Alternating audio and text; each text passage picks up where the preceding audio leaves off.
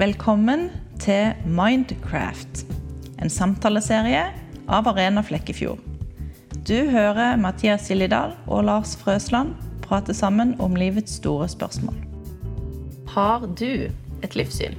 Det er et kinesisk ordtak som sier Hvis du vil vite hva vann er, ikke spør fisken.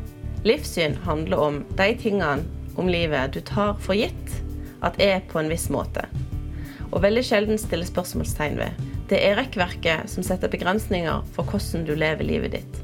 De fleste tenker med livssynet sitt istedenfor å tenke over det. Dette er noen grunnleggende spørsmål som vi kan stille når vi tenker over virkelighetsforståelsen vår. Tåler livssynet ditt spørsmål og utfordringer? Henger det sammen uten å være selvmotsigende? Forklarer det virkeligheten på en god måte? Og tilfredsstiller det behovet ditt for sannhet? Yes, Lars. Ibsen har et sånt sitat som sier at hvis du tar livsløgnen fra et menneske, så tar du lykken med det samme. For når vi snakker om livssyn, så, det, så, så ser vi for oss denne her bygningen av overbevisninger. Som vi egentlig aldri stiller spørsmål til, vi bare lever. Vi tenker veldig sjelden på livssynet vårt, vi tenker med det. Så vi har jo allerede snakket om kan si, den første steinen. altså Finnes Gud, finnes ikke Gud? Eh, kanskje vi ikke lander den helt. Litt, ganske, kanskje. Kanskje. Men eh, eh, gjør det noe om, om eh, vi har byggesteiner i det livssynet som ikke henger sammen? altså som er helt sånn, Disse to tingene går ikke an å egentlig mene samtidig? Eller er det helt greit å bare plukke og mikse litt i denne her strukturen? Uh. altså, jeg lever jo et liv der jeg definitivt plukker og mikser. Det er jo, eh, det er jo egentlig hele Altså, jeg cherrypicker meg jo gjennom gudstroa mi. Uh, så jeg syns jo egentlig det er en veldig bra ting å kunne gjøre. Og jeg har aldri likt det der bibelverset, jeg aner ikke hvor det står, men nå at du ikke skal være lunken. Altså lunken, da tolker jeg det som litt sånn spørrende og undrende, eh, i hvert fall i, i mitt hode. Jeg, jeg, digger det. Jeg vil heller bade i lunka vann enn iskaldt eller glovarmt. Så, så det er nok litt min filosofi rundt de tingene. Det er forferdelig vanskelig spørsmål å liksom komme med et svar som andre vil sitte og tenke Å ja, nå satte han ord på det jeg har tenkt i alle år. Det tror jeg ikke, men det er i hvert fall sånn jeg tenker. Mm. Det er jo sånn at hvis du har en eh, Jeg har en sønn hjemme som stiller mange spørsmål.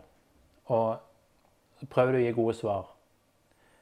Eh, hvorfor skal du ikke slå noen? Nei, det, det, er ikke snilt å slå andre. Hvorfor ikke det? spør han da. Nei, det, det, du vil at andre skal gjøre mot deg, skal du gjøre mot deg, sier Janne da. Men eh, det er ikke sikkert han på en måte aksepterer det svaret.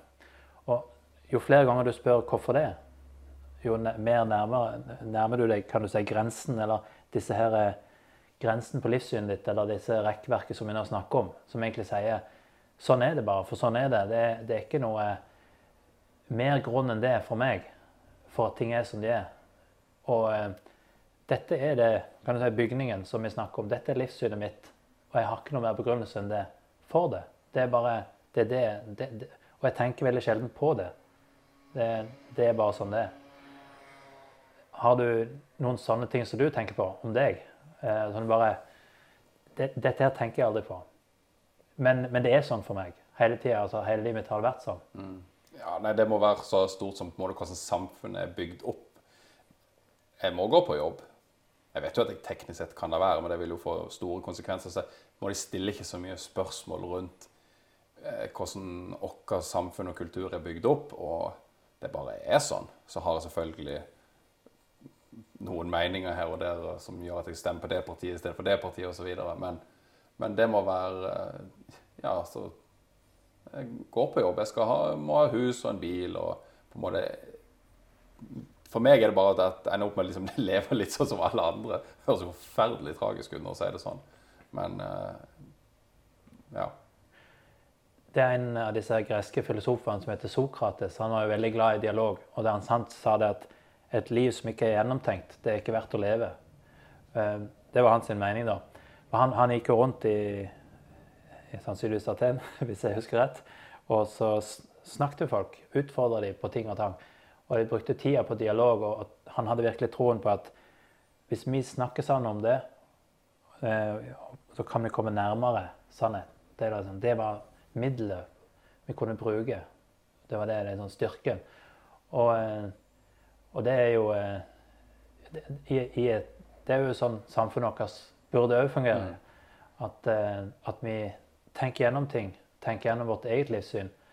Gir det mening, det jeg tror på? Eller har jeg eh, byggesteiner som ikke passer sammen med resten? Altså, har jeg et fundament som ikke holder oppe det andre jeg tror på, f.eks.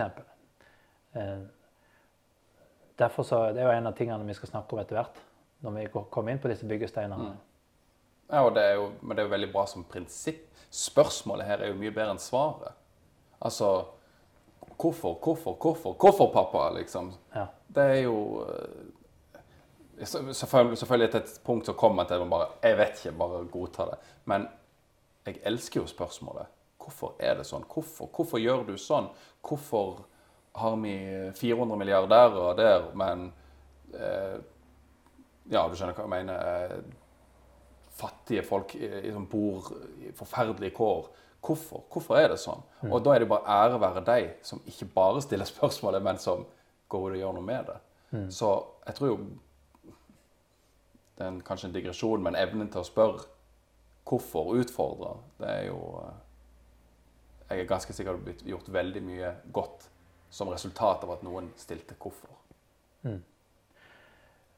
Jeg tror et sånn et spørsmål som er veldig, veldig typisk at blir reflektert på noen andre, det er i Norge eh, Spesielt hvis du ser valgkampen, er det, så er det noen, noen som syns at folk har for mye penger. Så når det gjelder dette med grådighet, f.eks. Eh, hvis noen blir utfordra på, på det, så er det veldig fort ja. Du ser jo på skattelista hvem det er vi burde ta pengene fra og gi til de fattige. Eh, og- Men det, vel, det skal mye til før man liksom stiller den der innover og så sier vet du hva, kanskje jeg burde undersøke mitt liv og se om det jeg er litt grådig. Og det er jo eh, eh, det er sånn Med en gang du hører noen si noe om at ja, du burde gi penger til det eller det, så tenker du ja, jeg vet om noen som burde gi. Det er ikke meg. Det er noen andre. Eh, og Det er jo et typisk eksempel på at eh, i vårt liv, måten vi tenker på, er, er gjerne fokusert på hva andre burde gjøre. Og så har vi noen overbevisninger der sant? om at eh, hva man burde gjøre og ikke burde gjøre. De som har mye penger, de burde dele med andre. Men jeg burde ikke det. Jeg, har nok til, meg- bare nok til meg sjøl. Ja, men se seg selv i speilet først. Det, og når jeg i stad sier at hvorfor, spørsmålet hvorfor, har definitivt vært eh, bakgrunnen for mye godt, så mener jeg absolutt at man tar det spørsmålet innover. Hvorfor gjør jeg det? Hvorfor snakker jeg sånn til noen? Hvorfor er min rutine sånn? Hvorfor bruker jeg pengene mine på det? Hvorfor har jeg ikke mer penger, eller whatever? Det tror jeg er bakgrunnen for både kreativitet eh,